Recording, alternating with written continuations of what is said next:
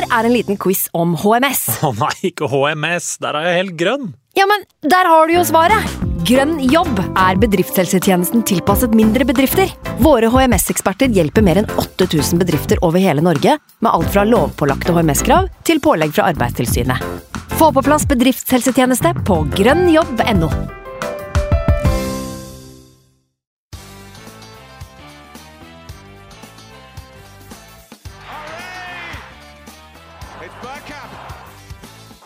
Now! The next station is Arsenal. Hei og velkommen skal du være til en splitter ny episode med Arsenal Station med Magnus Johansen og meg, Simen Goffeng. Og det er jo ikke noe annet sted å starte, Magnus, enn å ønske Martin Ødegaard tilbake til klubben. Eh, velkommen. Eh, velkommen til han, velkommen til deg. Eh, hvordan har du det en onsdagskveld når nyheten om at eh, Ødegaard vel både har gjennomført eh, medical omtrent og gjort unna media duties og sånt er, er på plass? Da, da sitter vi og gnir oss i hendene, gjør vi ikke det? Ja, det er lusekoft og, og brunostskive her fra, fra Løten. Eh, ellers- jeg, jeg hater brunost, da, så det var kanskje dumt å si. Men eh, det er veldig god stemning, eh, eller veldig, vel, relativt god stemning, vil jeg si. Eh, det var en, eh, en etterlengta positiv nyhet, det. Etter, eh, etter å ha hatt noen dager nå siden fredagen hvor man har følt seg litt nede eh, Arsenal-messig. Så vi har jo etterlyst at man skal få tetta de der åpenbare hulla i, i stallen og i lag, førsteelveren, ikke minst, før man virkelig kommer i gang med sesongen. Og nå, nå ser det ut som han blir klar i kamp nummer to, så det, det tar man med seg som en, en positiv greie. Ja, du må jo få litt skryt for det, tenker jeg. Altså, vi snakka vel om, eh, eller vi har jo snakka mye om Ødegaard i den poden her gjennom sommeren. og jeg sa vel for ikke mange ukene siden at jeg regna med at dette var en deal som kom til å dra seg helt fram mot uh, deadline day. Fordi eh, vi har tross alt Smith Rowe, og jeg tenker at uh, det var ikke noe grunn til å stresse det helt over målstreken før den tid. Da. Men uh, jo før jo bedre, selvfølgelig. Så det, det er absolutt sånn at man må gi litt skryt eh, til eh, klubben for det, tenker jeg. Det er jo åpenbart en, eh, en stor investering. Da. Det snakkes vel om en sum på 35-40 millioner euro. Eh, sikkert noe add-ons og litt sånne greier involvert der. Eh, så er det verdt å si at det er jo ikke noe sånn tilbakekjøpsklausul som Real har for vane å inkludere i kontraktene. Så han blir, og han eh, blir forhåpentligvis mange år. Arteta har fått mannen sin. Det er vel eh, sånn at vi har Jeg vet ikke, altså vi har jo på en måte lagt mye av eh, årsaken til at sesongen i fjor eh, snudde på Smith Roll og hans inntreden. Og han skal selvfølgelig få masse honnør for det, men at Ødegaard kom inn og var en viktig katalysator i det offensive spillet, det, det er det vel heller ikke noe tvil om.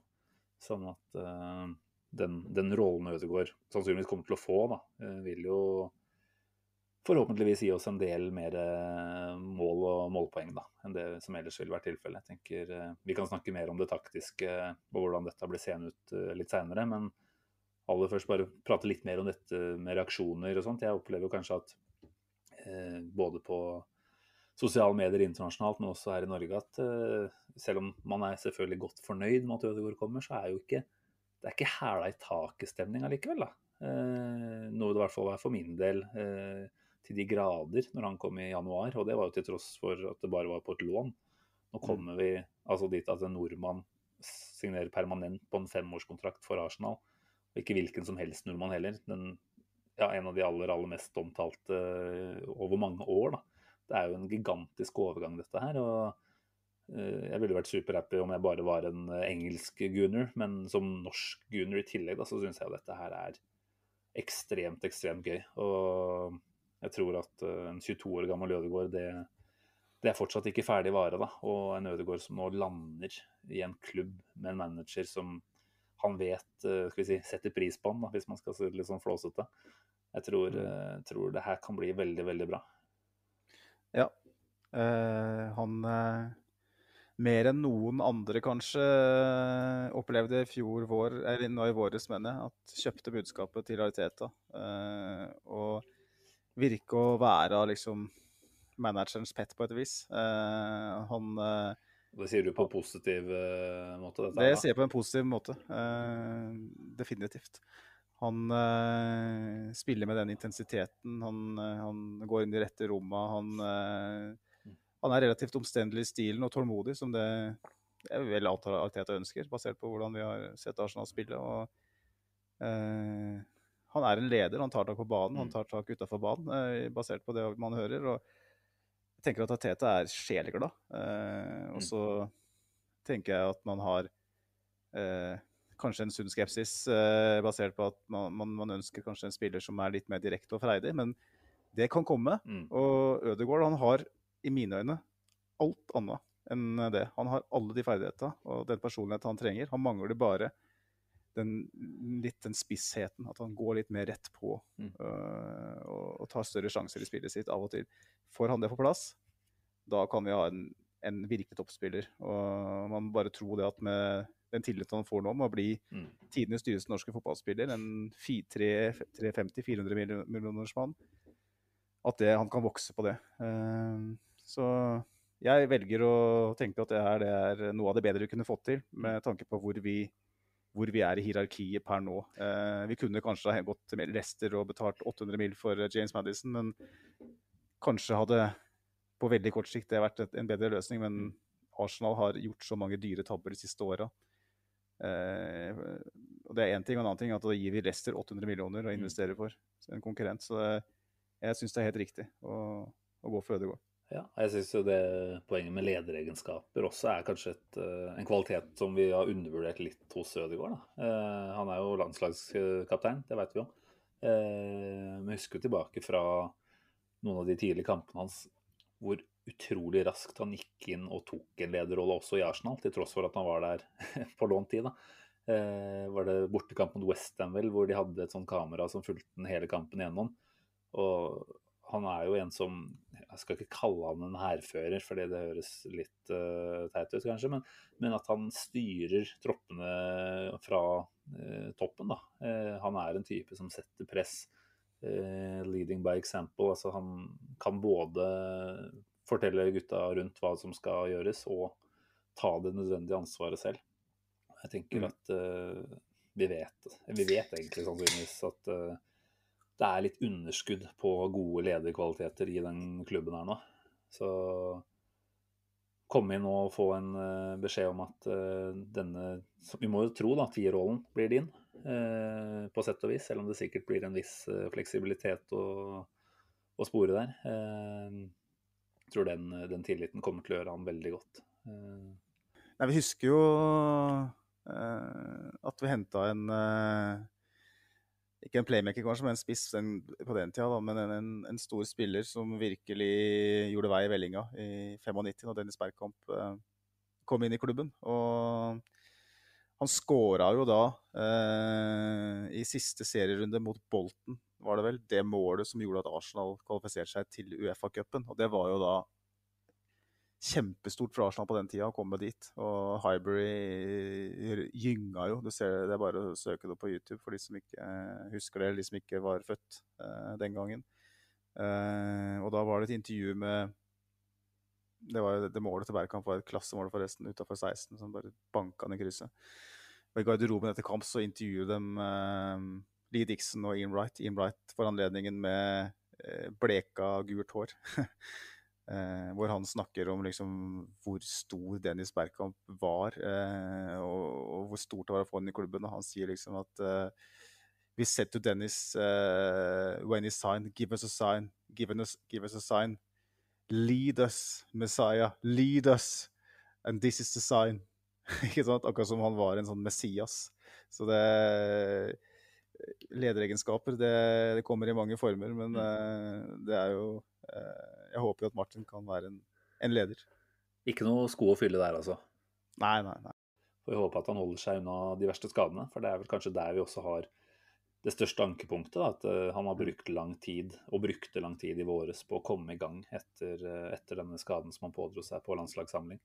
Hadde jo ja. litt sånn lignende utvikling da han var på lån i Sociedado. Hadde en fantastisk høstsesong blir skada rundt juletider eller noe, og kommer egentlig aldri helt i gang igjen resten av den uh, sesongen der.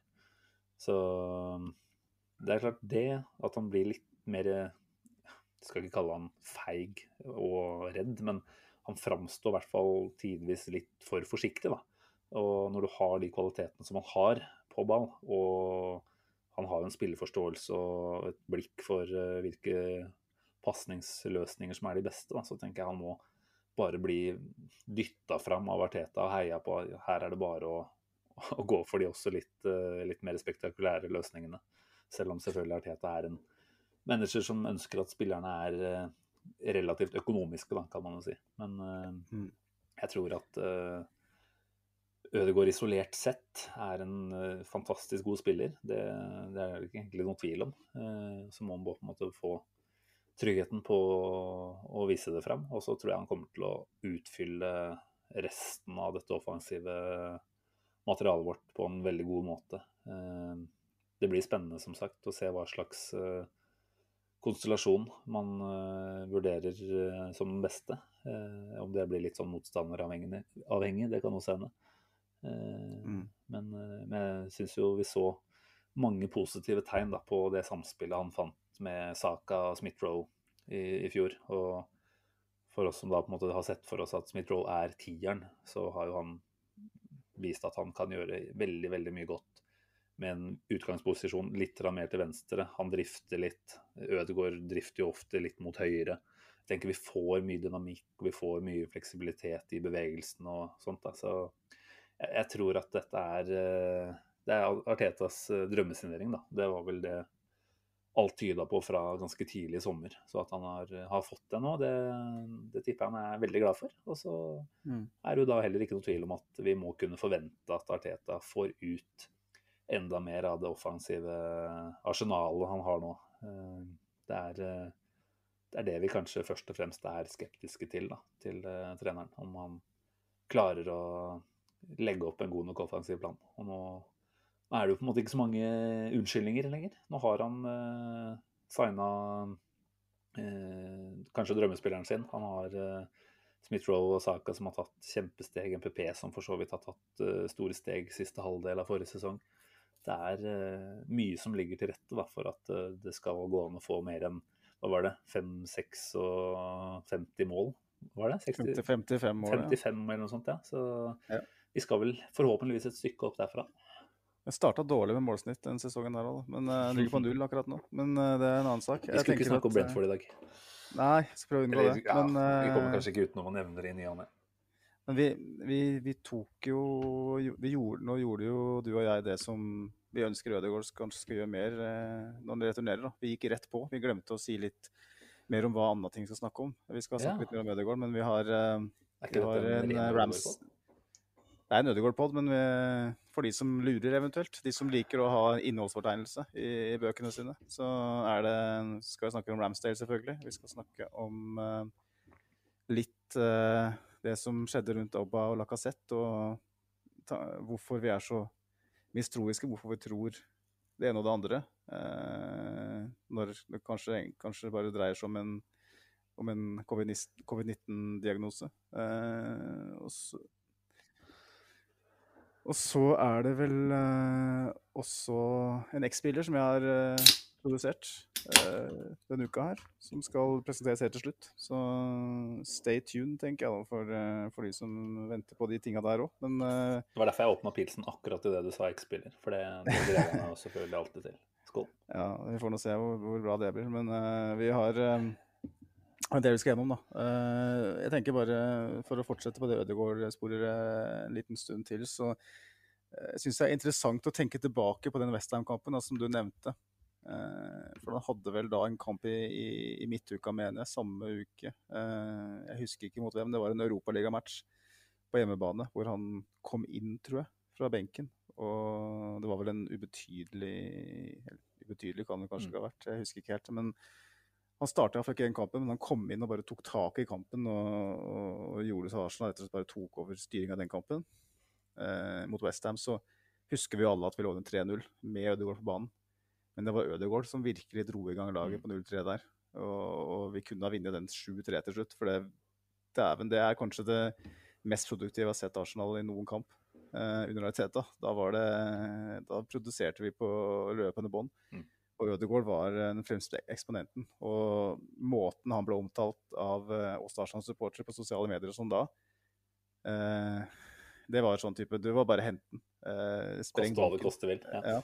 Selg Ram, eh, stadion til LA Rams og bruk pengene på Ødegaard, liksom, hvis det er det som skal til. Eh, og så tenker jeg at hvis han hadde, hvis han hadde trukket trukket ei revesaks den, eh, den aften, da, blitt skada ut sesongen, da hadde vi sittet her og jubla hemningsløst nå. Mm.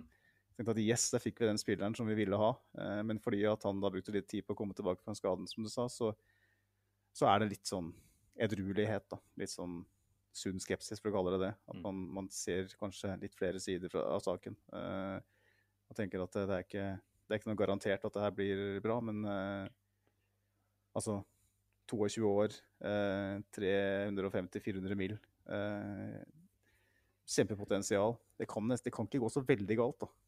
Eh, tenker jeg det er. Eh, jeg tenker at det er en, en, Bank i bordet. Det er færre, færre, færre sånne ankepunkter ved den signeringa her enn mange av de svake signeringene vi har gjort de siste åra. Så hvis man på en måte skal tenke at Arsenal ikke skal gjøre ting som setter, setter dem tilbake, da. sånn som man gjorde i fjor sommer. Mm. Eh, flere- Et par-tre tilfeller av, og man har gjort det i flere år. Hvor man sitter igjen med spillere som, som bare tar plass i lønnsbudsjettet, og tar plass i garderoben, tar plass i, i stallen. Og rett og slett står i veien for evolusjonen til Arsenal under Arteta. Da. Mm. Eh, Det er jo det som er så forbanna. eh, At man, at man havner i en sånn situasjon. At man har spillere som Cedric og William i stallen, som, som ikke har noen funksjon annet enn at de er lønna Arsenal. Eh, egentlig. Mm. Eh, altså det er liksom det at jeg ser, jeg ser på en måte et annet mønster i, i sommeren, og Ødegaard er definitivt det jeg er mest fornøyd med så langt. Ja, jeg tenker at uh, trenden som nå begynner å utvikle seg denne sommeren, er jo kjempepositiv. Og med tanke på at det er en såpass fersk uh, director Nei? Tec- technical director heter vel du nå, da. Uh, så tenker jeg vi skal være såpass greie at vi først og fremst bedømmer etter det som er eh, ferskest. Eh, det kan jo til og med tyde på at man har lært av sine feil når eh, man går ut og har en så tydelig profil på spillerne man henter inn. Da. Nå er det vel ingen av de vi har henta i år som er over eh, 22, da. Ødegaard er vel faktisk eldstemann, er han ikke det? Så jeg tenker at dette er Nå trenger vi ikke å ta Arteta-praten nå, men uansett hvordan det går med Arteta, så tenker jeg at uh, dette er signeringer som gjør at Arsenal som klubb ikke må gjøre en ny rebuild uh, med det aller første, da. Uh, om det skulle gå skeis for spanjolen. Jeg tenker det er eh, den eneste fornuftige måten å drifte den klubben her på. Da. Og nå har vi gjort samme feil flere ganger, flere vinduer etter hverandre. Så det er for så vidt veldig, veldig ålreit at, vi- at vi har lært av det nå. Syns jo at vi skal du, som er, du er jo egentlig en tallfyr på Ødegaard. Jeg vet ikke om du har tallene på han uh, i dag, jeg, men uh, jeg syns at Nei, det er noe vi sorry. kan Nei, jeg, jeg bare titta på noen selv, så jeg tenkte da kan jeg ta Ja. meg det, den uh, hatten der i dag. For jeg syns jo at han Ok, vi, vi kan være enige om at han har ikke til nå i karrieren sin produsert nok målpoeng. Det har han ikke. Han hadde vel 14 kamper, to assist og to goller mm. sist. Det er jo ikke forferdelig krise, krise. Og i det offensive laget som vi stort sett klarte å stille opp der, så, så var det kanskje ikke bare enkelt å produsere mer heller. Han hadde vel også en del ålreite sjanser som burde blitt omsatt av en litt mer effektiv eh, spiss til tider. Eh, Men jeg syns jo dette med eh, dette med å være en sånn aggressive pastor, da, det er jo noe vi, vi har litt for lite av. En som faktisk ser etter de eh, eh, mer sjanseskapende pasningene uh, nærme motstanderens eh, mål. Uh, ser at i den korte perioden Vi må jo ta med at det var en kort periode han var hos oss sist. 14 kamper i Premier League. På de kampene så, så fullførte han 33 pasninger inn i motstanderens eh, 16-meter. Eh, som er fire færre enn det Saka hadde i hele sesongen. Eh, det var Tini da, som hadde flest eh, av de i fjor. Eh, men hadde Ødegaard spilt en hel sesong, så hadde han da stått med 75, da. Eh, noe som ville gjort at han var innenfor topp fem i hele Premier League. Mm. Eh, så er det jo også dette med presspillet hans, som jeg syns Det, det snakka vi vel kanskje ikke så mye om nå i stad, men jeg syns det også er en viktig attributt å ha på en eh, offensiv eh, midtbanespiller. En som ikke bare er god med ball, men som også leder i presset. Eh, og, og tallene fra den korte perioden i fjor viser at han da hadde 6,5 sånne pressures, altså eh, hvor han ja, satte inn et press da, i løpet av 90 minutter eh, i den offensive tredelen, eh, som var ganske langt foran Madison, og også greit foran eh, Smith-Roe eh, og, og Saka. da. Eh, og han ville vært i Premier League også der, blant, blant topp fem i, i ligaen, faktisk. Så jeg tenker jo at han er, med unntak av disse målpoengene, en komplett spiller i en sånn type posisjon. da. Jeg tenker han vil gi oss eh, mange strenger å spille på. eh, blir mindre forutsigbare, rett og slett. Og så, og så blir jeg som sagt spent på hvordan det går utover en eller to av de andre, da, som vi kanskje heller eh, Som vi gjerne også skulle sett eh, spiller en del denne sesongen her. Du Ja, vel, men det, det er akkurat det jeg tenker at vi, at vi skal være fornøyde med. At vi ikke er, blir så sårbare som vi ville vært. Vi måtte ha inn et eller annet der. Og jeg, som du vel sa før innspillingen, Simen, så en Madison inn hadde vel kanskje stått enda mer i veien for en Smith-Roe enn det Mm. Ødegaard gjør. Ødegaard eh, viste jo eh, at han kunne spille sammen med, med Smith-Roe, eller kanskje du kan snu på det og si at Smith-Roe viste at han kunne spille sammen med, Ødegaard når han spilte i, i tierrolla. Smith-Roe han hadde vel noen av sine beste kamper ute til venstre. Eh, Mm. Og ute på venstresida, der Det er vel kanskje der vi føler at vi mangler noe. Eh, på høyresida har vi Saka og PP, ikke sant? og Ødegaard er jo litt sånn høyreorientert. Ja, han er jo det. Smith, det er nesten sånn at jeg tenker at Smith Drove bør spille ute til venstre en del, at der har vi egentlig ikke så veldig mye annet i, hvis vi skal spille på den måten vi ser for oss at Teta ønsker. Da. Mm. Aubameyang på venstresida, det, det, det har jeg bare lyst til at skal dø. Eh, det er jeg så ferdig med. Selv om jeg vet at det kanskje kan være litt formasjonsbetinga, eh, og at i, i en annen formasjon så kan det funke. Men i den eh, formasjonen vi har spilt eh, nå, med fire, fire backrekka, så funker ikke det på venstre i det hele tatt. Og da, da står man igjen med Martinelli, er det det? Eh, som alternativ. Eventuelt Saka kan jo flyttes over, selvfølgelig. da. Ja. Men da Jeg tenker jo at Smith-Roe nesten bør dyrkes eh, litt ute til venstre. Og at Ødegaard dermed får den tierrolla. Jeg, jeg, jeg ser ikke så mange andre løsninger eh, i den formasjonen. Nei, og at eh, PP, som du vel i forrige episode anslo kunne bli årets spiller og toppskårer, da, er jeg jo spent på hva slags framtid vi, vi ser på for hans del. Da. Selv om det selvfølgelig vil være en del spilletid eh, når man har eh, fire offensive posisjoner å, å veksle på. Så tenker jeg at eh, lagspilleren Saka er jo bedre enn lagspilleren PP. Og i hvert fall hvis man eh, Ja, jeg vet ikke hvor mange typiske sjanseskapere man må ha, men at PP er jo ikke en, en stor sjanseskaper for andre enn seg selv, for å si det litt enkelt.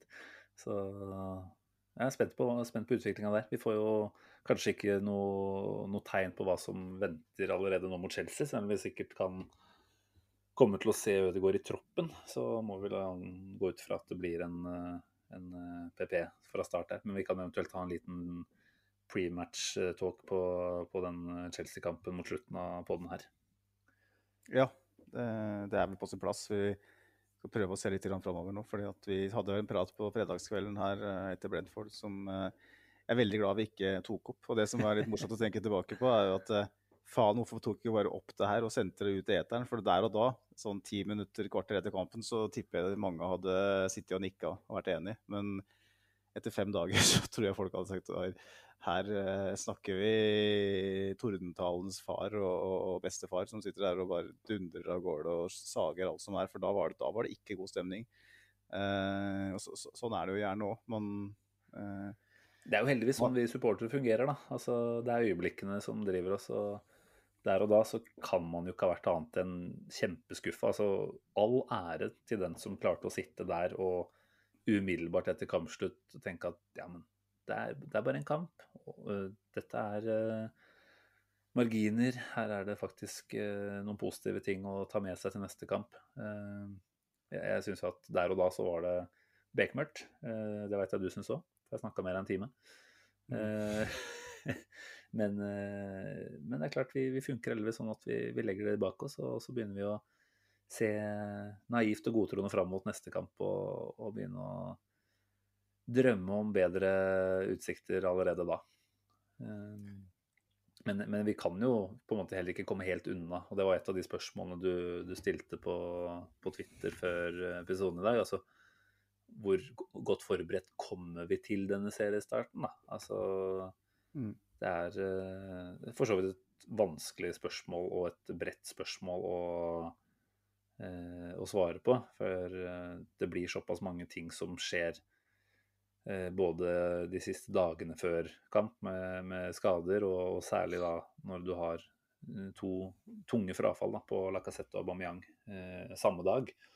Eh, men du sikta vel ikke nødvendigvis bare til det som skjedde eh, samme dag. Det var vel et eller annet med hva som kanskje har blitt vist eh, gjennom preseason, da, og også i, i disse treningskampene mot Tottenham og, og Chelsea, som kanskje ga deg litt grobunn for uh, bekymring rundt hva som er uh, sesongsforberedelsene våre. Ja, og det ble jo tolka uh, litt sånn som om at vi mente at det isolert sett handla om, om den Brentford-kampen. da. og det, det, var ikke meningen. det skrev vel både Bård Hegseth og Ronny Madsen, som vi hadde her på besøk i forrige uke. At, uh, at liksom uh, At det er veldig vanskelig å, å skulle på en måte uh, takle at de to beste spissa blir skada, eller ikke skada, men det blir utelukka rett før match, da, på den måten. Noen timer før match. at, som Ronny skriver, at det er vel stort sett kun Manchester City som kunne takla det. Å ha noen på benken som er nesten ikke gode. Uh, og jeg kjøper for så vidt det poenget, men det var ikke, var ikke det som var spørsmålet. Uh, eller poenget. Poenget var på en måte så, generelt sett da, hvor godt forberedt er Arsenal til den sesongstarten her. Og da snakker vi både om preseason, den kampen her, om overganger, mangel på overganger. Alt som har mm. foregått da, mm. fra sesongen avslutta i fjor til nå. og jeg syns jo det er viktig å ta med Eh, Marius Sommerfelt sitt eh, poeng òg. Han skriver at eh, vi er dårlig forberedt igjen. vi kan skylde på smittetroppen, mangel på økonomiske muskler, tregt marked og EM. Men svaret er ja, vi er ikke klare når startskuddet går. og jeg, jeg, er litt enig i det, da.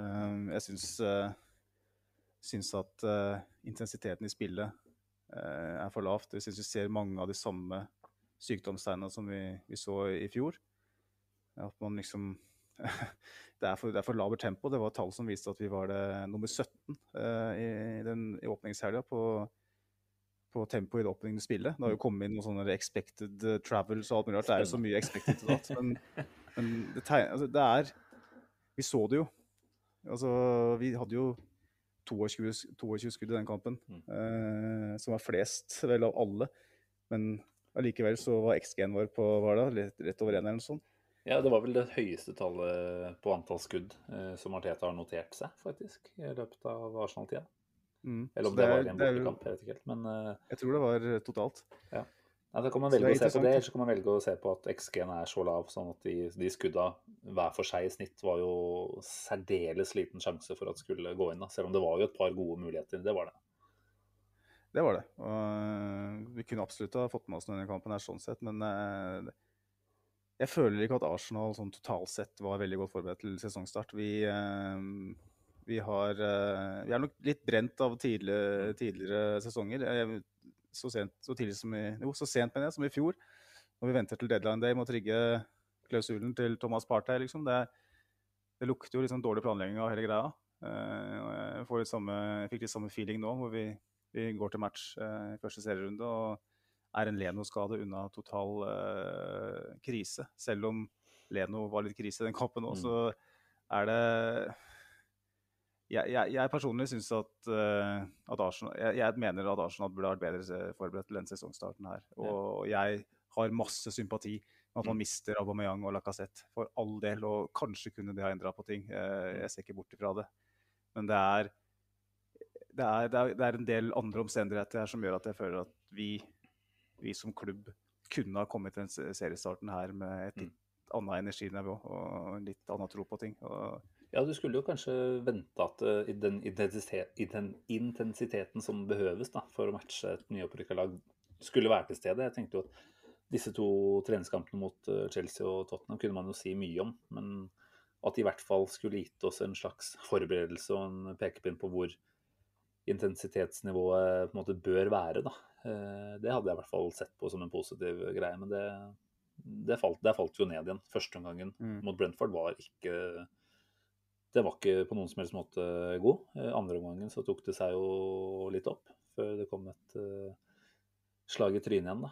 Men eh, nei, altså, jeg er egentlig ganske enig med deg at eh, forberedelsene generelt sett er ikke helt der de skal være. Og så kan man jo også gå ned på å være så konkret som mulig. Rett og slett, Man vet at første motstander er Brentford. Eh, Brentford presser høyt. Hvordan kan vi utnytte det best mulig? Vi kan spille oss ut bakfra på en fornuftig måte. En god måte. Altså, eh, vi gjorde vel ett eller to forsøk på å spille oss ut bakfra før det gikk dårlig, og før Pablo Mari og Leno begynte å melde litt til hverandre. Eh, den usikkerheten som sprer seg i laget vårt, er jo åpenbar. Og den blod på tann-følelsen som det er i Brentford, er jo også helt åpenbar.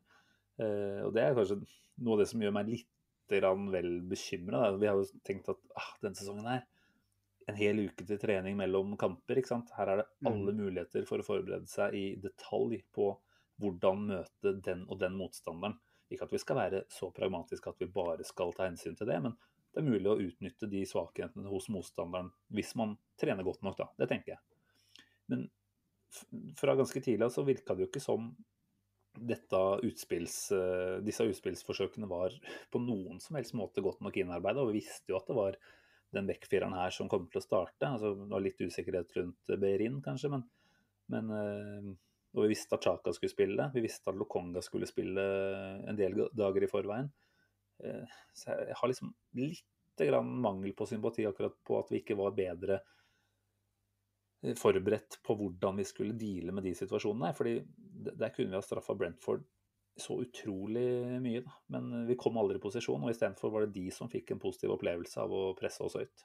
Og så er det selvfølgelig sånn at de spillerne vi har, er bare så og så gode på å spille seg ut. Men nå er det nå tross alt de som ble valgt, da. Og når Arteta har et ønske om å spille seg ut på den måten, så, så er det skuffende at uh, Jeg tror det først og fremst er spillerne, uh, Leno og Marie kanskje, da, som bestemmer seg for å bare Nå, nå avslutter vi det prosjektet her. Nå, nå slår vi Mm. langt. Uh, men det, det er en sånn konkret ting som jeg syns jo at vi burde vært bedre forberedt på, da. En annen ting er jo at det har vært sånn lysende åpenbart hvor skoen har trykka for Arsenal eh, under Arteta. Eh, det er jo sjanseskaping. Eh, og ikke nødvendigvis et, så enkelt som det. Eh, 22 skudd viser jo noe annet, men mer skaping av, av store Det er forskjell på sjanser og avslutninger, da. 100 Det, det er riktig. Ja, ja, riktig. Um, og det er for så vidt det som er poenget her òg. jeg syns, uh, jeg syns at, uh, at det bør forventes at de har at, at Arteta og treningsapparatet for øvrig har klart å så, eh, skape en litt mer trygghet eh, foran mål da, eh, og i, i den fasen i siste tredjedelen. Jeg syns, jeg syns det er eh, Sånn som det var i fjor, så føltes hver eneste sjanse vi bomma på, føltes som et slag i magen. Og sånn var det mot Brentford òg. Hver gang vi brant en liksom litt ålreit sjanse, så var det sånn Oi. Det er som å bomme på en sjanse mot Barcelona eller Manchester City. da. Altså, faen òg, liksom. Det var sjansen. Og sånn skal det ikke være når du spiller mot Brentford. For skal, det skal være en oppmuntring da, når man skaper målsjanser. Man skal tenke at OK, yes, se her, nå er jeg gjennom. Nå er det bare å fortsette, så får vi flere sjanser. Så sitter den til slutt. Du sitter ikke med den følelsen du ser på Arsenal. Eh, og, og det tenker jeg da, det kan du ta med fjorårssesongen, og du kan ta med den kampen her. Og det er én kamp, ja, men jeg hadde håpt at, eh, at man, ha, at man allerede nå skulle sett en, en progresjon. Og så, ja, jeg vet at Lacassette og Aubameyang ikke var med, men jeg syns det er noe forknytt over alle når de nærmer seg mål. Jeg så eh, til og med Smith Roe, som, som er en spiller som virker å ha mye sjøltillit. Når han kommer i gode avslutningsposisjoner, så virker det litt forknytt. Mm. Eh, så man er redd for å øh, bomme. Han er stressa fordi at Han vet han at det vet at den sjansen her, den må, den må jeg sette. Hvis ikke så, så, så er sjansen veldig stor for at det er Brentford som, som, som skårer det neste målet i den kampen her. Og det, uavhengig av hvem som spiller på topp, så føler jeg at det problemet var veldig tydelig den, den kampen her. Og det er noe som vi må eh, få på plass. Og det, det, det håper jeg at kan ordne seg da med en Ødegaard inn, og etter hvert en forhåpentligvis en Aubameyang som, Mm. som finner tilbake til seg sjøl. Ja, det må jo bare være så fort han er tilbake, eh, at eh, vi får se han ordentlig i front eh, med, med en gjeng kreative spillere bak seg. Jeg tenker at det må være veien å, å gå nå framover, altså. Når vi vet at eh, sjansene ikke kan til Altså ja, han brenner litt, men vi vet at en Aubameyang som over tid får uh, spilletid der framme, han kommer til å oppsøke flere sjanser enn det Lacassette gjør. Og ja, da kommer han til å bomme på noen flere, men han kommer også til å skåre på flere. Det, det føler jeg meg ganske trygg på. Så jeg håper virkelig vi får, får se det, altså. Mm. Uh, ja, det ble jo litt om Brentford der. Uh, det er jo ikke noen andre åpenbare ting vi må snakke om nå flere dager etter kampen. Eh, kunne sikkert ha snakka litt om Ben White og at han fikk seg en liten eh, Ja, ble herja litt med, rett og slett, av Ivan Tony. Men eh, det er tidlig, og jeg tenker det er en utrygghet som jeg frykta Det virka som det hadde spredd seg litt hit og det var et par helt klønete balltap han gjorde, som jeg tror ikke han jeg tror ikke han kommer til å gjøre mange av de utover. Så jeg får håpe at eh, det var litt sånn debutnerver bare, og at han er sitt sanne jeg allerede på søndag, da. Ja, og så spilte han sammen med en høyreback som plutselig eh, så spøkelset av Jefferson Montero i, i bakspeilet, tror jeg. i Callum Chambers, som hadde en helt skrekkelig kamp. Så Mm. hjalp heller ikke på når man liksom skal debutere fra start og eh, ikke har trygghet ved siden av seg. Pablo Marie så usikker ut. ikke sant? Bernt Leno var usikker. Det, det var utilgivelige forhold for en, en debut for en 50 millioners mann.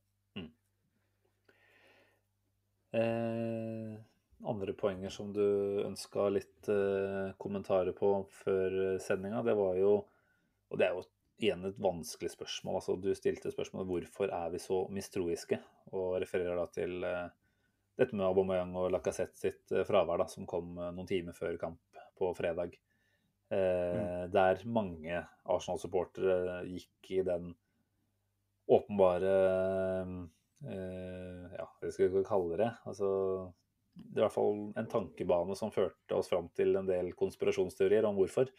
Eh, hvorpå det da selvfølgelig ble stilt spørsmål ved er dette her et resultat av uh, dårlig stemning og Artetas uh, håndtering, kanskje, da, av eh, kanskje særlig Aubameyang. Eh, det går an å sette det i sammenheng med kommentarene eh, til Arteta fra prematch-pressekonferansen, hvor han svarte relativt eh, klønete, vil jeg si, da, på spørsmål om eh, Aubameyangs om han har på en måte sett toppen, om han har det samme i seg fortsatt. og Istedenfor å bare kategorisk komme med at ja, selvfølgelig har han det. Han hadde mye vansker forrige sesong, men han er fortsatt en kvalitetsspiller. Han kommer til å skåre masse mål. Så svarte vel Arteta noe sånt som at vi får se. Hva det, Ja, vet ikke. Vi vet ikke. Eh, og ja, husker jeg ikke, Du påpekte hva vel eh, hva Arteta sa før Brentford-kampen også, eh, med, med hensyn til disse fraværene. Ja, han var veldig, veldig vag, da. Eh, han sa liksom de føler seg ikke bra, det er alt jeg kan si. Og så hadde han et sånn lurt smil. Så, det, var, det var liksom sånn eh, Klart, man leter jo gjerne Ja, etter, er nettopp eh, etter ting når man spekulerer, men så det, det, det er som det er, Jeg har jo litt tillit til Arteta, det skal jo si sånn sett. Eh, Jeg har jo hatt veldig sansen for hans evner til å kommunisere, men uh, i senere tid så har det tapt seg ganske mye, syns jeg. Uh, Det er en pressa mann som uh, står på dekk der og skal gjøre rede for seg. og det er Det blir så mange faktorer, da. Og det er så lett å legge sammen to og to på et vis. Um, Så får man jo ofte fem, da. Så det er jo det som er faren nå, at man begynner å lete etter eh, grunner som egentlig kanskje ikke er der. Eh, som mange jo påpeker, det mest åpenbare svaret er jo at disse var ute pga. covid. Eh, og det er jo sensitive opplysninger som vi ikke helt, helt vet hvordan klubben eller alle klubbene i ligaen har fått beskjed om å håndtere. Jeg vet ikke helt hva som er standard måte å gjøre det på for andre klubber. Men det er klart det er, det er ikke åpenbart at sånne type helseopplysninger blir offentliggjort. vi vi snakka litt om det før sending. Én ting er å ikke da offentliggjøre det før den kampen, men nå har det gått flere dager. Vi har fortsatt ikke hørt noe offisielt om hva som var årsaken til fraværende. Mm. Men da kan vi også begynne å lure på om det er for å ikke avsløre for mye foran Chelsea-kampen. Det er klart, Går man ut og sier at det er covid, så, så kan uh, Tuchel uh, planlegge for at ingen av de er med. Og da gir man jo kanskje bort en liten, uh, liten disfavør der, da. Så det er mange ting som spiller inn, men, uh, men når alt kommer til alt, da, så, så er jo vi Arsenal-fans såra dyr. Vi, vi, er skeptiske. Jeg tror ikke vi er det av natur. Jeg tror ikke det er noe spesielt for oss, men jeg tror det handler om hvordan klubben har håndtert en del eh, spørsmål tidligere. Og at vi mm. er grunnleggende skeptiske til de som sitter på toppen. Eh, ikke nødvendigvis at eh, Cronky og co. på en måte hadde noe å gjøre med akkurat hvordan vi deala med denne situasjonen, men jeg tenker det er en, eh, en ledelse og en kultur over tid da, som gjør at vi har utarbeida disse radarene her, som kanskje iblant ikke funker helt som de skal. Men eh, det er en grunn til at de er skrudd på. Eh, veldig godt, eh, veldig godt sagt. Det var spot on og innertier og amen og hele pakka, det også. Det er akkurat det jeg tenker òg. Det er, det er mange, mange, som har svart på eh, den posten vår eh, på Twitter eh, i dag, hvor hvor, man, hvor, det sies mye om Arsenal-supportere eh, mm. generelt. At vi er både det ene og det andre. At vi er verre enn vet ikke om vi skal ta med noen av dem, Simen, men jo, les det kan vi kanskje gjøre. Hvis du har tid til det. Vi har tid.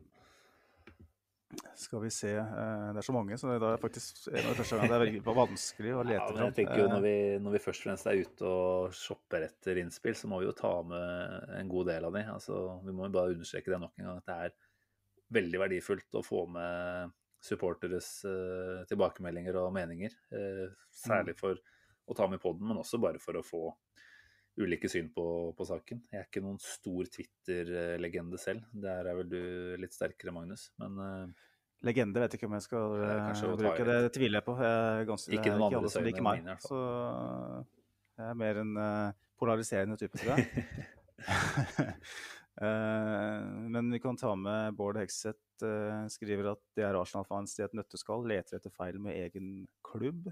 Um, mm. Skal vi se hvem flere er det som har uh, uh, Bjørn Åge skriver han tror at sosiale medier, blogger og sportsmedier generelt har stor påvirkning. og at måte, den misnøyen, skap, misnøyen, skaper den situasjonen her. Da. Eh, at vi er det, det, tror jeg er et poeng. Um, skal vi se, så hadde vi en som jeg kom inn uh, rett før sending her. Jeg ser også Tormod, Tormod, uh, Tormod Hollerud skriver at er naturlig at Arsenal-fans er mistroiske. Lever sin egen skygge fra Wenger sin gullalder. Ja. Så ser jeg han Marius Sommerfelt, som du henviste til så vidt her i stad, også skriver noe rundt det. Skriver at uh, vi er mistroiske fordi klubben alltid har jobbet med kortene tett i brystet og kommunisert dårlig. Tror det som skjedde med Robin van Persie, fikk ballen til å rulle. Og så forsto ingen hva greia var med Ø. Vet ikke helt med Gundosi, Saliba osv. Det er jo et godt poeng, da, tenker jeg, at uh, det, er, det, er, så mange ting som på en måte blir stående helt uten en god forklaring. Eh, må gi en liten kudos til han eh, Er det daglig leder eller styreformann i Aston Villa som gikk ut og hadde en eh, fem-seks minutters forklaring og grei informasjon rett og slett på hvorfor Grealish uh, gikk og hvorfor det skjedde nå, og litt om måten det skjedde på. Da. Det er jo en, et eksempel til etterfølgelse for de som driver med kommunikasjon i Arsenal. Ja, og det, det er et veldig godt eksempel. Og noe vi kanskje rett og slett eh, misunner Aston Villa, akkurat det. Jeg misunner dem ikke noe annet, i hvert fall ikke keeperen. Uh, ikke Bundy uh, heller, for den saks skyld. Nei, nei, nei, ikke i det hele tatt. Nei, men, men, det mener jeg faktisk.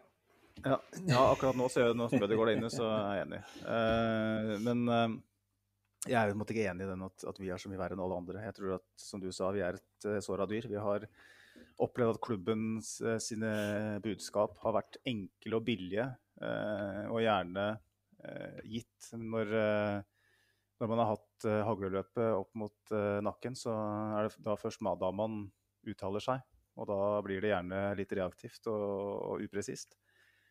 Over tid så har vi mista tillit til hele organisasjonen Arsenal. Og alt som kommer derfra, eh, blir eh, veid og målt og tolka i mye større grad enn det man kanskje bør. Vi tenker rett og slett litt for komplisert mm. eh, som supportere. Vi, vi, klarer på en måte ikke å se et konkret budskap og tenke at, så, at det er så enkelt. Vi må tenke at eh, ligger det noe bak det her? Fordi at vi har, vi har blitt lurt så mange ganger de siste åra. Det er jo så enkelt. Det er jo ikke, det er ikke kødd. Uh, at, uh, at, etter hvert så har det ja, blitt skapt en kultur uh, innad i fansens på sosiale medier, som han, Bjørn Åge er innom. At, mm. at, det blir spekulert veldig mye, da.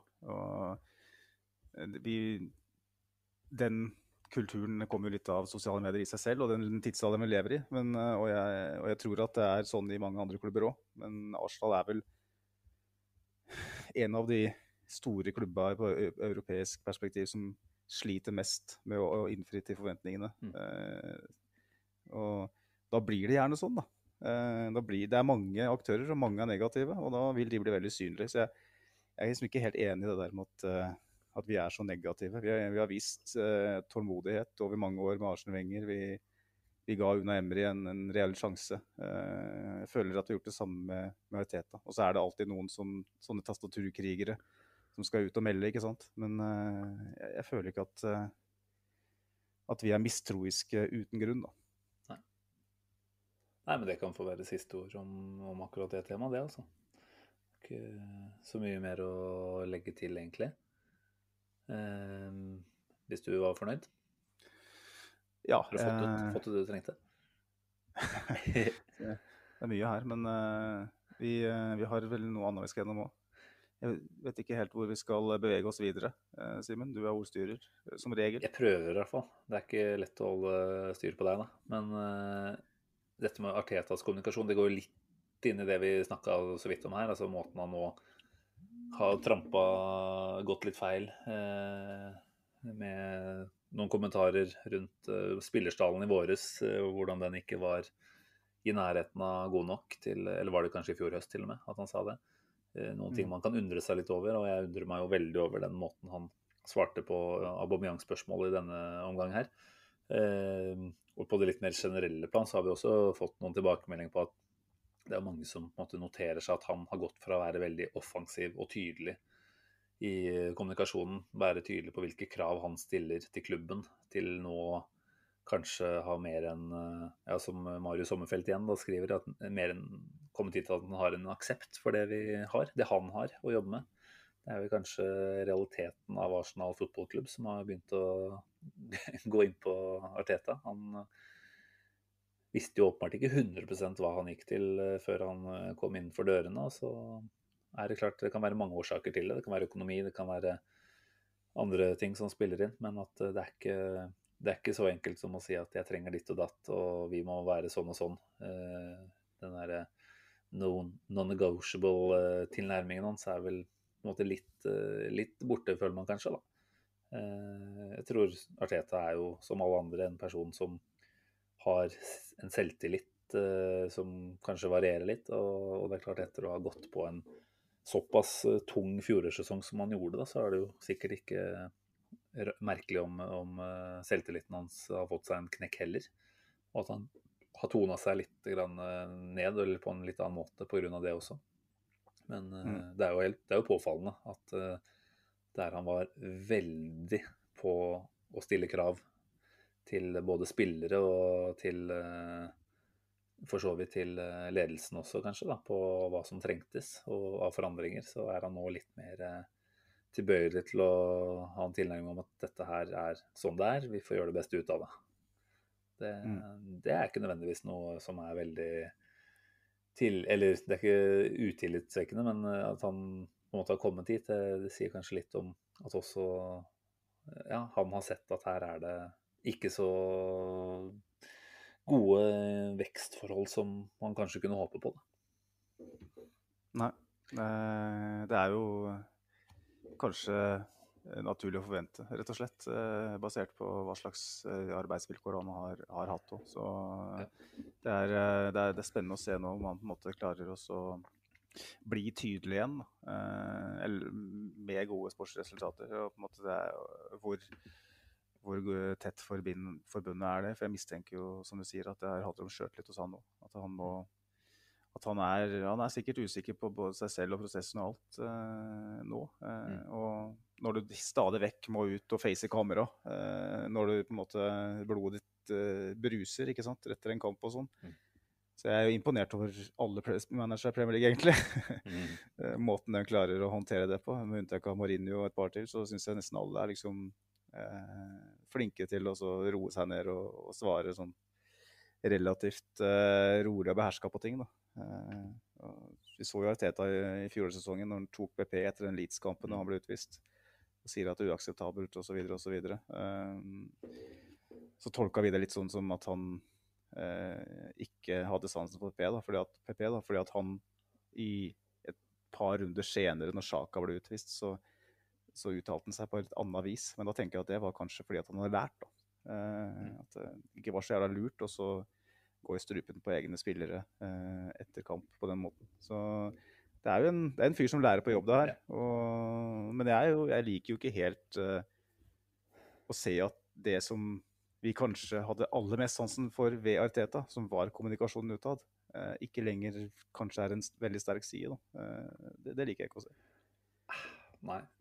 Nei, altså, jeg tror ikke på en måte om det er en sterk side eller svak side at det er noen forandring på det, men at det mer er at han har tilpassa kommunikasjonen etter, etter de rådende omstendigheter. Eh, Mm. men, men det sier jo selvfølgelig litt igjen om, om hva som er ståa der. Eh, ja. Eh, du lovte at vi skulle snakke litt om Ramsdale òg, du. Fordi eh, David Ornstein har jo skrevet på Twitter nå i kveld, altså onsdag kveld, at eh, en, eh, en avtale ser ut til å være ganske nært forestående. Eh, 24 millioner pund snakkes det om i ganske, ja, Om det betales umiddelbart, det er ikke sikker, men i hvert fall en garantert eh, sum på 24, pluss eventuelle 6 millioner eh, pund. eh, Litt avhengig av hva slags prestasjoner vi får se, da. Eh, Det har vært mye fram og tilbake rundt eh, Ramsdale gjennom sommeren. Den virka å være ganske død for noen uker tilbake. Eh, Så ikke overraskende at vi er kommet dit vi er i dag, for det er jo overgangens eh, natur, det. At det, det kan være parter som sier at da går vi vekk fra bordet, før man selvfølgelig regner med å bli invitert tilbake igjen. Eh, hva tenker du da? Altså at eh, Leno trenger en utfordrer, det er det jo ikke noen tvil om. Og at han bør kjenne pusten i nakken fra Ramsdale, det, det håper jeg virkelig. Per nå så er vel er vi kanskje der at begge to i mine øyne er litt sånn middels Premier League-keepere, egentlig. Eh, med en ganske Jeg har litt sånn likt inntrykk av dem. Jeg har jo ikke sett så mye av Ramsdale, så jeg skal ikke påberope meg for mye der. Men gode til å stoppe skudd. Eh, I hvert fall for Lenos del vil jeg si ganske begrensa i feltarbeidet. Det har jeg en følelse av at eh, Ramsdale er også. Eh, ganske lik av vekst, kanskje. Og så er det store spørsmålet hvor god er Ramsdale med beina. Så da overlater jeg stafettpinnen til keepereksperten Magnus. ja, det er kanskje det området jeg er minst feiring på, så det får også bra. Eh, men eh, når man går gjennom en sånn overgangssaga som varer og rekker over flere uker, og noen tilfeller måneder, eh, så rekker man å som supporter å nærmest rettferdiggjøre en overgang overfor seg selv. Fordi at man ønsker så sterkt at, at klubben skal gjøre de rette tinga, og man prøver å se noe positivt. ikke sant? Men første gangen jeg hørte ryktet om Ramsdale, så tenkte jeg at det er jo helt idioti.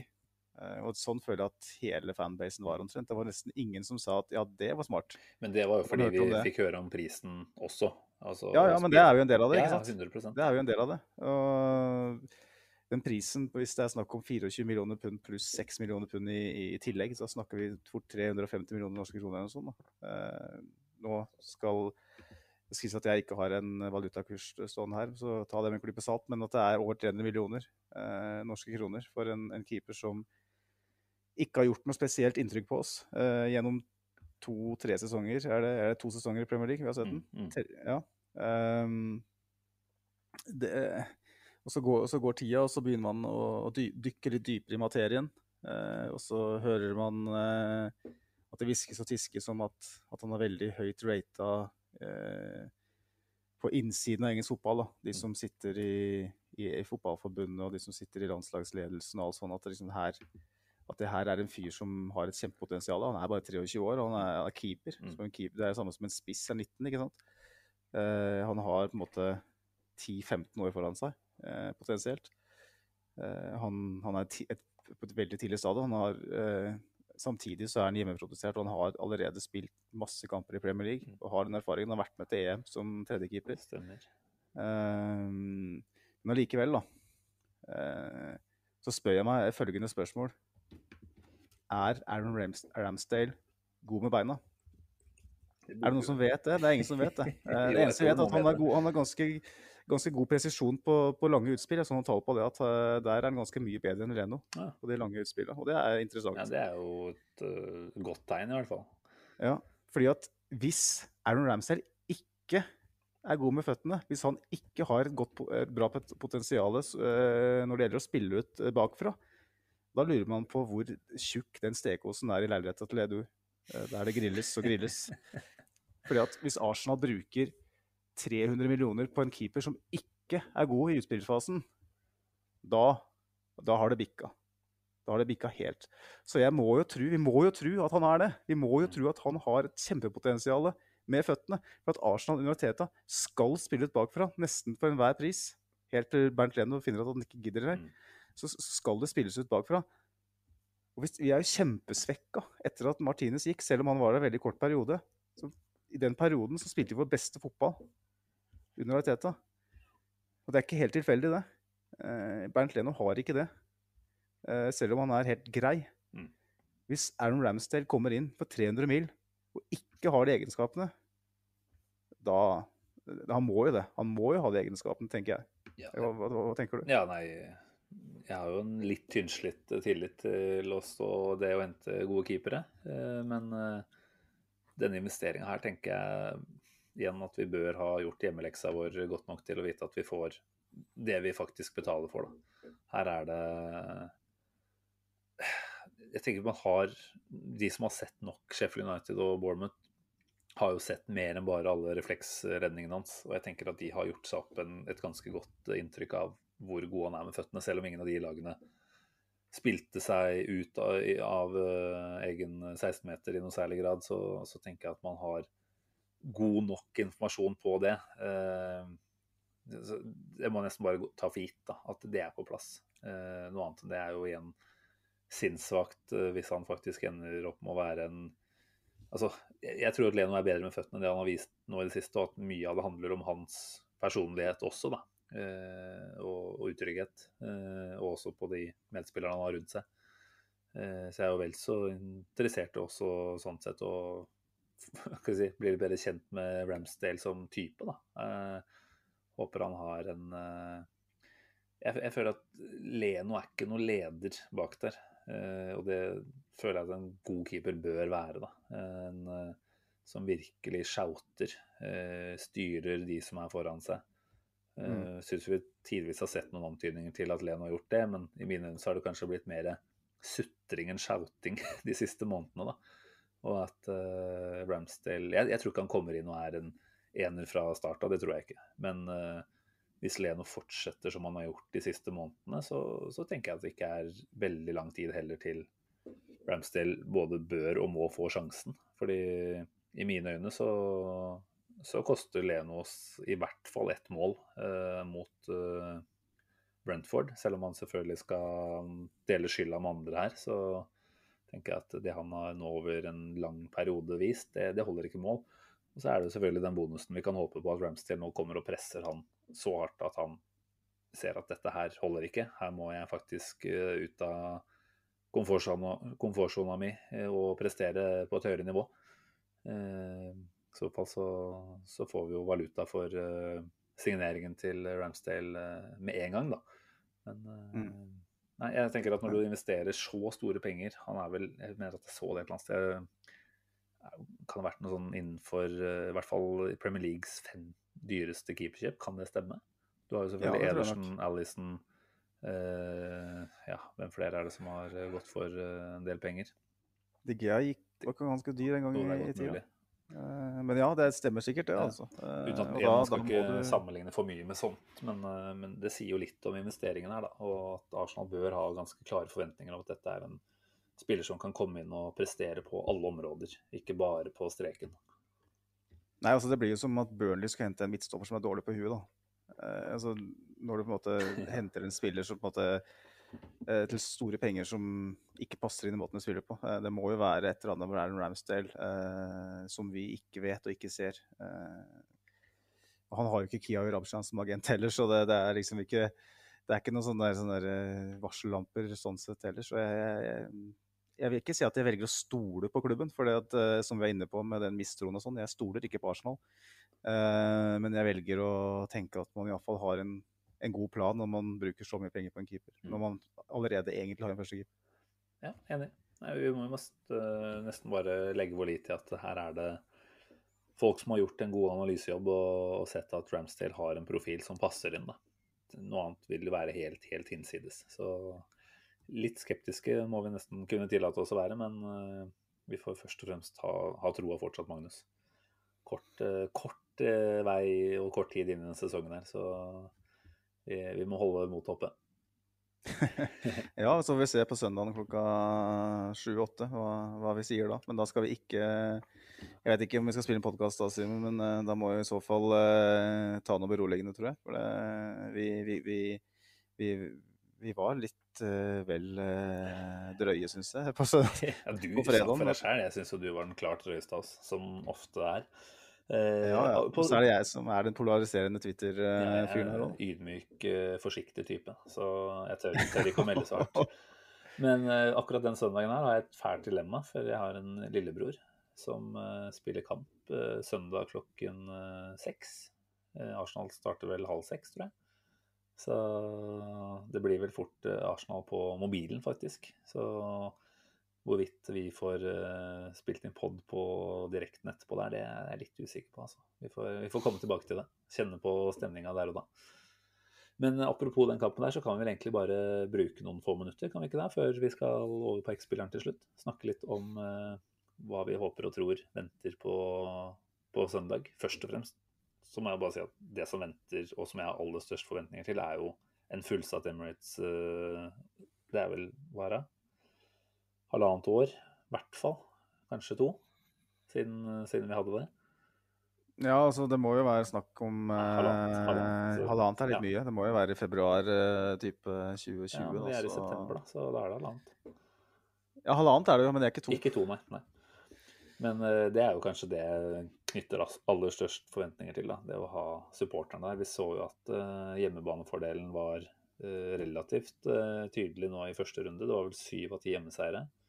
Mm. Eh, kan jo håpe at det er noe som eh, spiller i vår favør. Eh, litt usikkerhet har jeg i meg i forhold til at det er meldt om protester igjen da, i forkant av kampen. Jeg så litt forskjellige steder at det var meldt om både rene KSI-protester, men også protester som involverte Arteta. Da. Jeg må jo si at jeg syns det er en helt sinnssvak holdning hvis man inntar det sånn høyt utad eh, allerede nå i sesongen. Da tenker jeg at vi som supportere spenner bein på det som skjer eh, på banen potensielt. da. Eh, for, for guds skyld håpe at det er noe man klarer å legge til side både før og under kamp, og så får man eventuelt ta mm. det ut etterpå, da, hvis det er, eh, er sånn at man har behov for å ytre seg kritisk om Marteta. Men, eh, men det blir spennende å se hva som skjer på Emirates på søndag.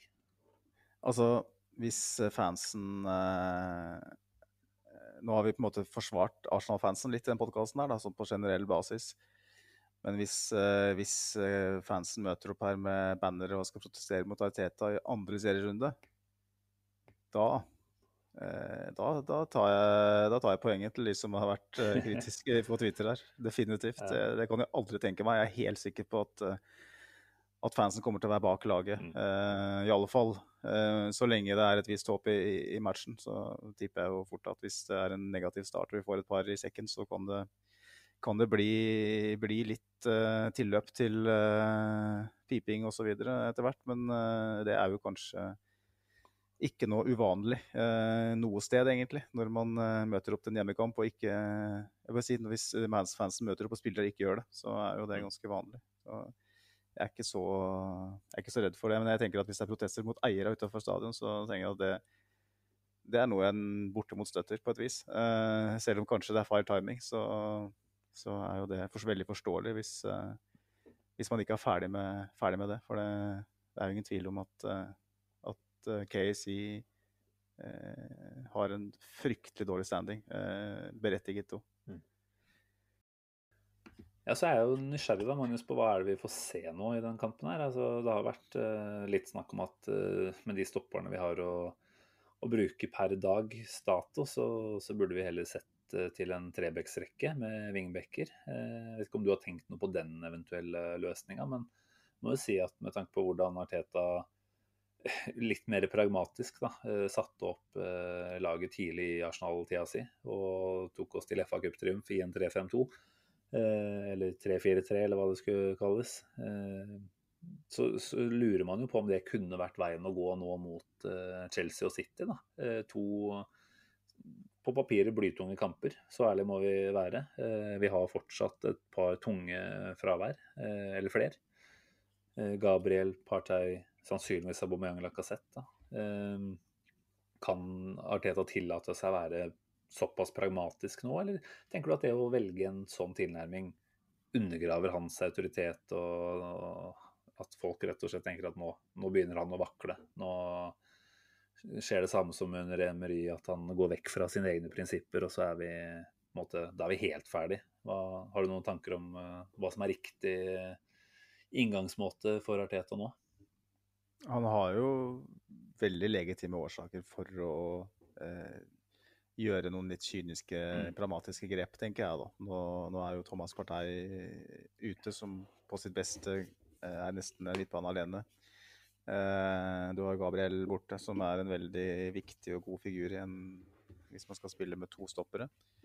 Jeg føler at de stoppere vi har tilgjengelig per nå, og Bekka til dels spesielt på høyresida òg, eh, kanskje er mer skreddersydd for en, en back treer. Mm. så at man kjører uh, ben White, uh, Callum Chambers, Ben White og, og Pablo Mari f.eks. Eller, om eller om Rob Holding går inn mm. for Chambers. Mm.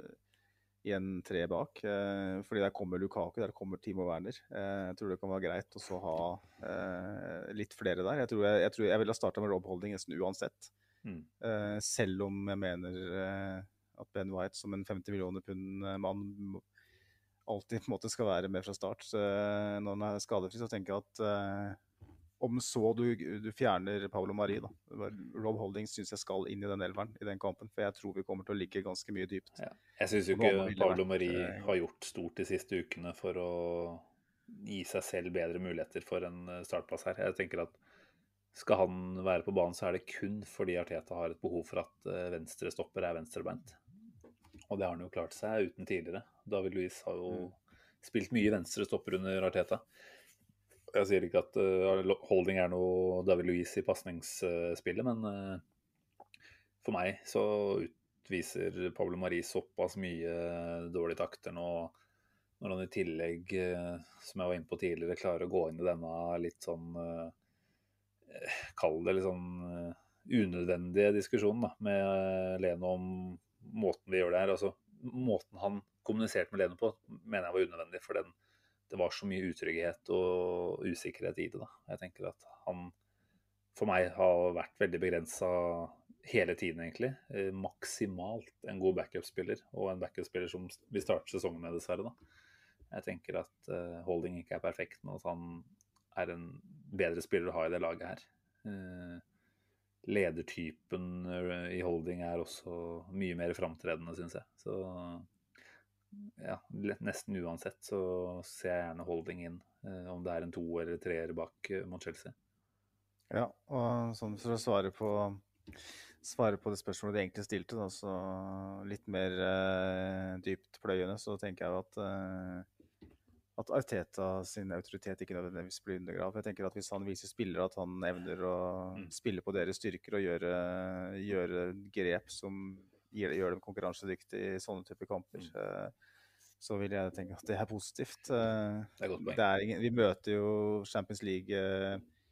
Regjerende Champions League-mester. Ja. Eh, ja, først møter vi mesteren i, i Chelsea, ikke sant? som uh, rir på en bølge nå, som er ganske voldsom. Uh, som får inn Lukaku der. Uh, ikke at jeg er så redd for han egentlig, sånn basert på tidligere, men uansett, da.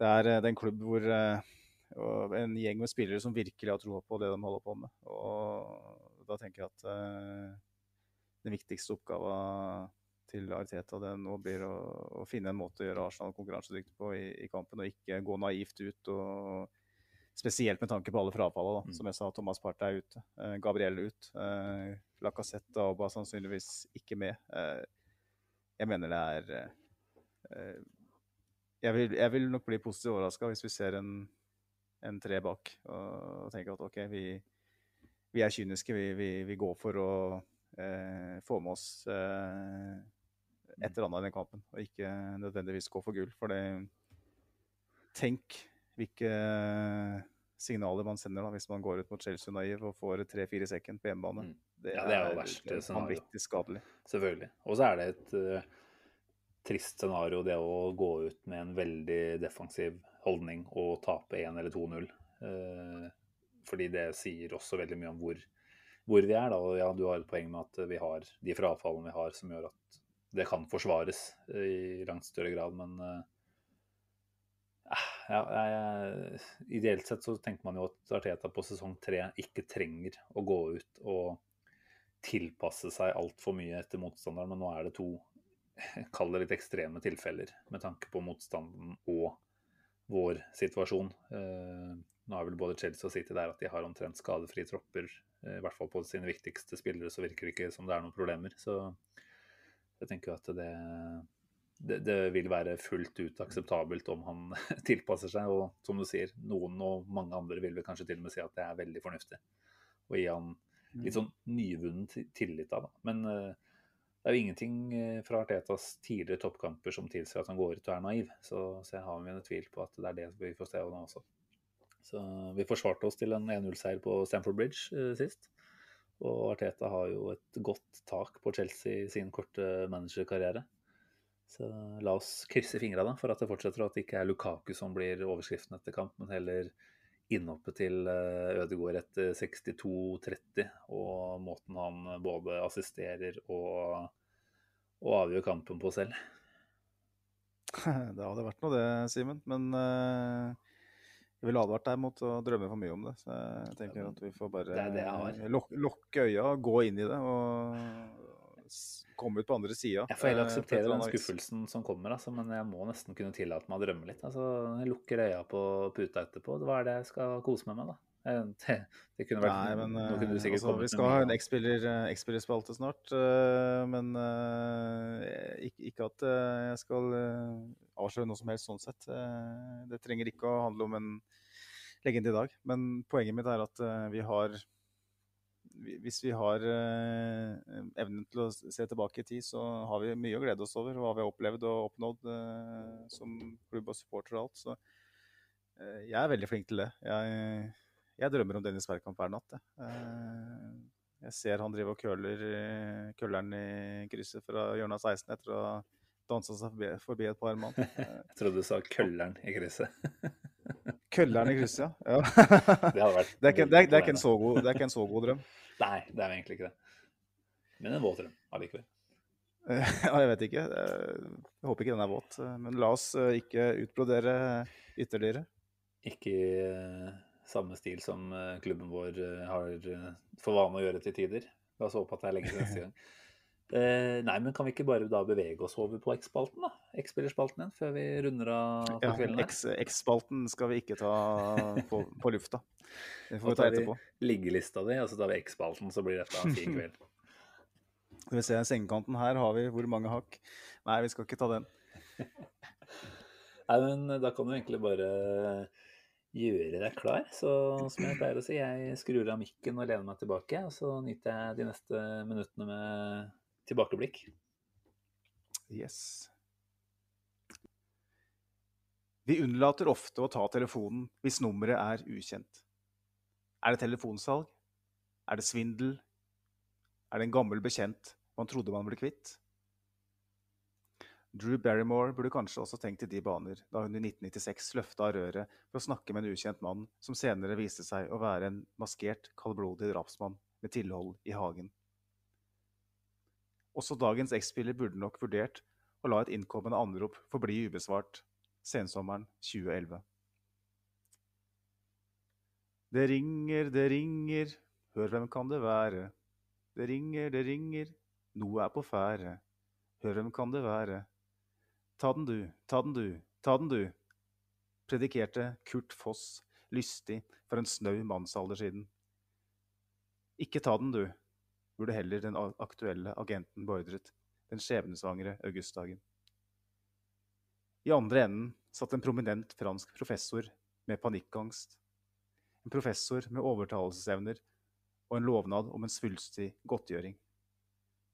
En ute av seg sjæl-Wenger som ikke var fremmed for å ta en Chelsea, og overtalte dagens X-spiller til å stikke av midt i en medisinsk test med en annen klubb for å svinge fyllepennen i Nord-London. Noe var på ferde. Etter 2-8 på Old Trafford og tordentaler fra både besserwissere og Wermansen agerte Wenger på utypisk og bakvendt vis, og panikkhamstret spillere på ekte Harry Rednap-vis. Et kaos som senere skulle vise seg å bære uante frukter, da både nåværende manager og akademisjef litt tilfeldig vandra inn portene for første gang. Men som ved tumulter flest endte man opp med et par skrammer. André Santos var den store nesestyveren. Men også dagens X-spiller må sies å være et skrubbsår. Som spiss for Wengers tidligere arbeidsgiver Monaco hadde han gjort en helt grei jobb. Tolv fulltreffere på 33 kamper regnes ikke som spektakulært, men for om lag 6 millioner pund skulle han bidra med true quality up front and a great attitude, som, som sjefen sjøl bedyret. Det skulle likevel gå en stund før sørkoreaneren fikk sjansen. I sin andre start i Liacupen mot Bolten skulle det også bli nettsus, da han på vakkert vis bøyde ballen rundt Adam Bogdan i Bolton-buret. Big man Wengs has done it again, ble det hvisket rundt omkring på stadion. Lite visste vi at dette var selve klimakset. Lite visste vi at han kun skulle få syv minutter med Premier League-fotball på sine tre år som Arsenal-eiendom. Den mytiske spissen fikk dog sjansen i påfølgende ligacuprunde mot Manchester City, men starta ikke en eneste kamp etter dette.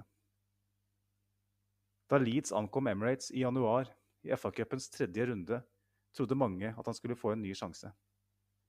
Men da hadde allerede Wenger sett nok fra sitt panikkjøp, og henta dermed inn en aldrende Thierry Henry på kortsiktig lån. Alle kjenner selvsagt den rørende historien som fulgte. Men for dagens X-spiller må det ha vært en bitter aften. Med glemselens sagflis i bakenden kosta han på seg et skjevt smil da halvguden med statue på utsiden av stadion løp triumferende rundt på gressmatta. Men ikke så mye som ett minutt hadde Wenger å avse til en av sine mer gåtefulle signeringer gutten som fikk den til dels forbannede nierskjorta, skulle pøse på enda mer drivstoff til bålet for de mer overtroiske av oss. Et par låneopphold fulgte, deriblant i championship hos Watford. Det skulle ende med skader og skuffelser. Da kontrakten hans gikk ut sommeren 2014, forlot han klubben med fattige sju opptredener, samt at han mista både kapteinspinnet og plassen på landslaget. Man kan spørre seg om hvorfor den vakre skåringen mot Bolten ikke førte til mer spilletid. Men diplomatpolitiske Wenger ville nok evnet å si mye, men samtidig ingenting. Det eneste som er sikkert, er at han trolig burde unnlatt å høre på Kurt Foss' klassiske formaning. Han var i ferd med å fullføre den medisinske testen i Lill. Det ringer, det ringer, hør hvem kan det være? Ikke ta den, du. Ikke ta den, du. Park Sju Young.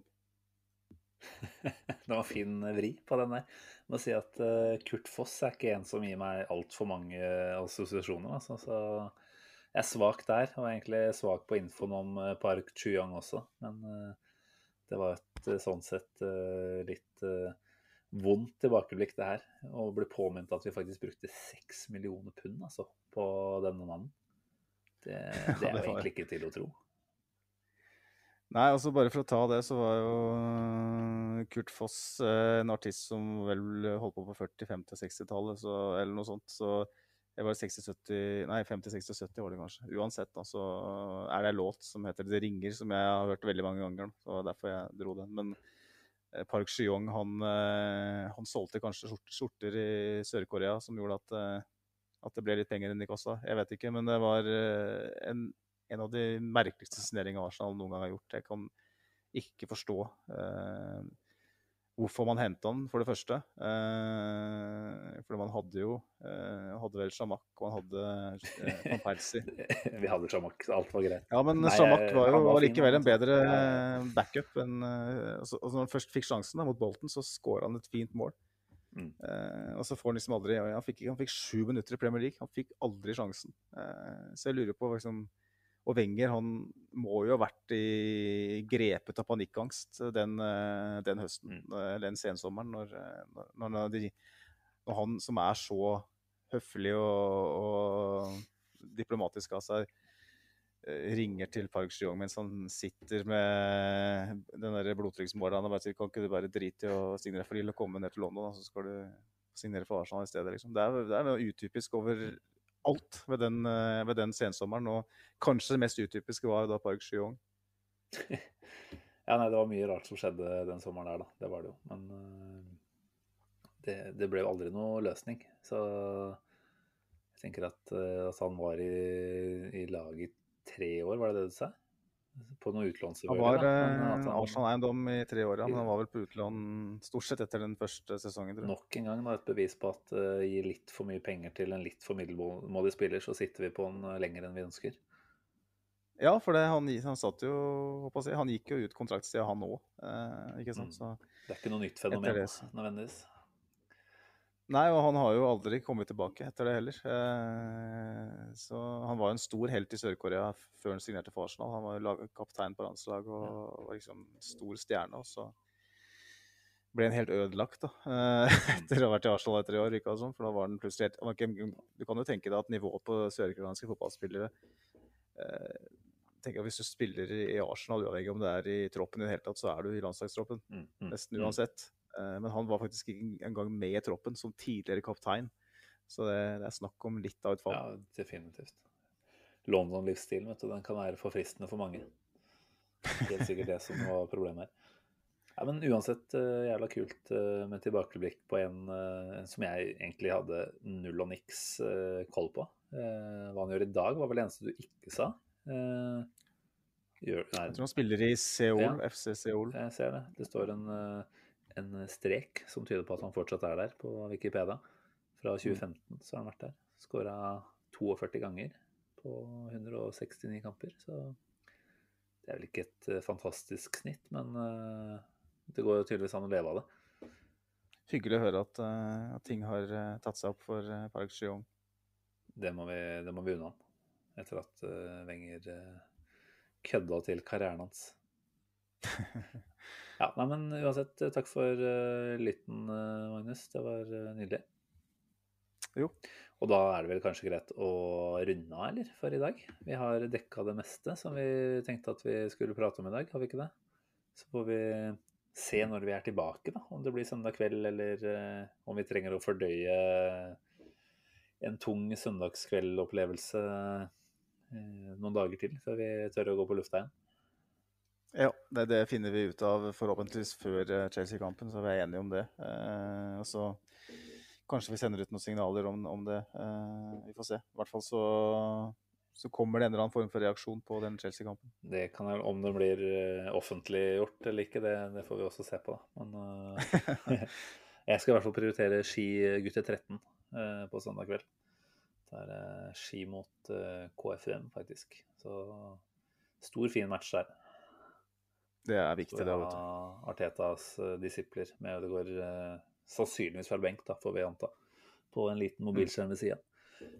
Yes, nei, men eh, takk for praten, Magnus. Eh, til alle som lytter, er det bare å si tusen takk for at dere følger med. Eh, vi vet jo at det er overraskende mange som faktisk sitter og Eller har oss i øret, da, i hvert fall fram til slutten av hver sending, og det syns vi er rått, rett og slett. Det halvannen time med stemmene våre, Magnus, som ikke er de deiligste radiostemmer, det, det er jo en imponerende greie i seg selv. Og vi sier jo ikke så mye fornuftig heller, så sånn sett så God reklame, det her. Er Bra du ikke, tok bra du ikke starta med det. De som hører på dette her, er uansett uh, så ålreite lyttere at de, de tåler at vi snakker oss selv ned litt. Det er noe med å være ydmyk, vet du. Ja. Ja, nei, men uh, igjen, har folk lyst til å svippe innom Twitter eller Facebook og gi oss en uh, follow eller en uh, like der, så setter vi pris på det også. Vi er tilbake om ikke altfor mange dager, får se når det blir.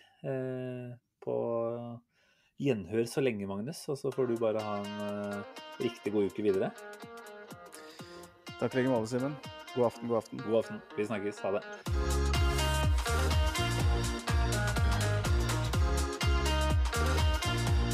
This train terminates here.